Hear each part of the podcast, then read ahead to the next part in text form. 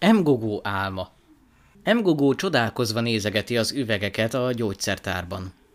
Daudi tablettákat számlál. Amikor elkészült, a kis afrikai fiú megszólal. Nagy ember, az elmúlt éjszaka Nyani látogatott meg az ágyamnál, családja több tagjával. Igen csodálatos dolog volt. Láttam, amint az öreg majom a nagy gránit sziklán ül, és az öt buta kis majom körülötte. Úgy látszott, mintha egy fa ágán ültek volna, de fa nem volt ott. Emgogó szünetet tartott, és aztán mentegetőző hangon folytatta. Nagy ember, álmomban nem láttam az ágat, de úgy láttam, mintha a hold átvilágítana a kismajmok szellemtestén. Daudi mosolygott. Valóban nagyon érdekes álmod volt. Emgugó látta, hogy Daudi megértette őt, és folytatta. Nyani beszélgetett velük. Azt mondta, a farkatlanok falujában van egy gyógyszerkészítő, aki porokat kever és üvegekbe szórja. Törzsének sima bőrű tagjai eljönnek és lenyelik ezeket az orvosságokat, és elfintorítják az orrukat, mint Nugubi. Ilyen az emberek bölcsessége, jegyezte meg Totó. Csend! kiáltott rá Nyani. Az öt kismajom összerezzent és közelebb húzódott egymáshoz. Nyani felemelte a kezét.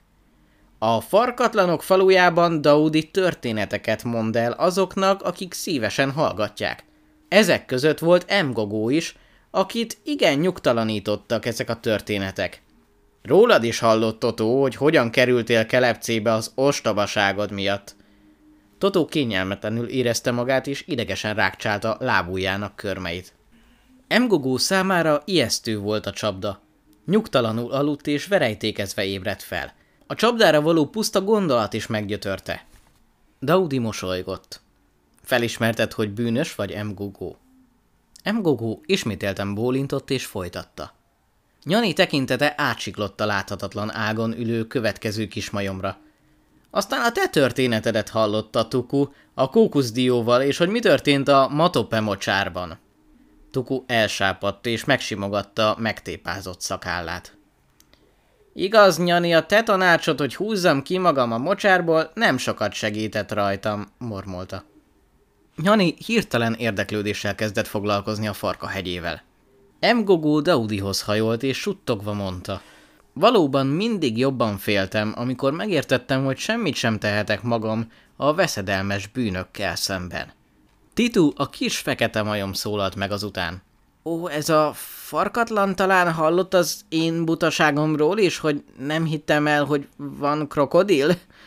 Szorongva pillantott hátra, mintha attól félt volna, hogy a hold fényében ismét megjelenik az óriási száj a szörnyű fogakkal. Nyani ünnepélyesen bólintott. Hallotta, és majdnem megfagyott erejében a vér. Ő ugyan elhitte, hogy van krokodil, és azt is, amit Daudi mondott róla, de annál rosszabb volt, mert nem tudta, hogyan menekülhet meg. Emgogó bólintott. Kevés örömöm volt, a bűneim gyötörtek. El akartam felejteni őket, másra akartam gondolni, de mindig előjöttek és megborzongattak. Ha a krokodilra gondoltam, kivert a hideg veríték. Tabu! kiáltott Nyani. Ne köpködj a markodba! Azt hiszem, tette hozzá Nyani, és nagyon mérges volt, hogy te ismét az ágnak rossz, levágott oldalán lennél, és nem mennél át a másik oldalra. Ezzel vége volt az álomnak, szólt Mkogó. Daudi mosolygott. Ez akkor volt, ó Daudi, mikor kezdtem megérteni, hogy megtérni azt jelenti, hogy megváltoztatom a gondolataimat, szándékomat. Így akartam cselekedni, és egész lelkemből ezt akartam követni teljes életemben. De mindenek előtt a bűneimtől akartam megszabadulni. Daudi bólintott. És mit csináltál? Kértem Jézust, hogy törölje el a bűneimet, mint ahogy az ember eltörli a lábnyomokat a homokban. Ő megtette ezt, és én a sebeire gondoltam is arra, hogy mit fizetett értem a kereszten. Aztán az álmomra gondoltam, és mindarra, amit elmondtál nekünk. Valóban nincs semmi értelme a majom bölcsességnek.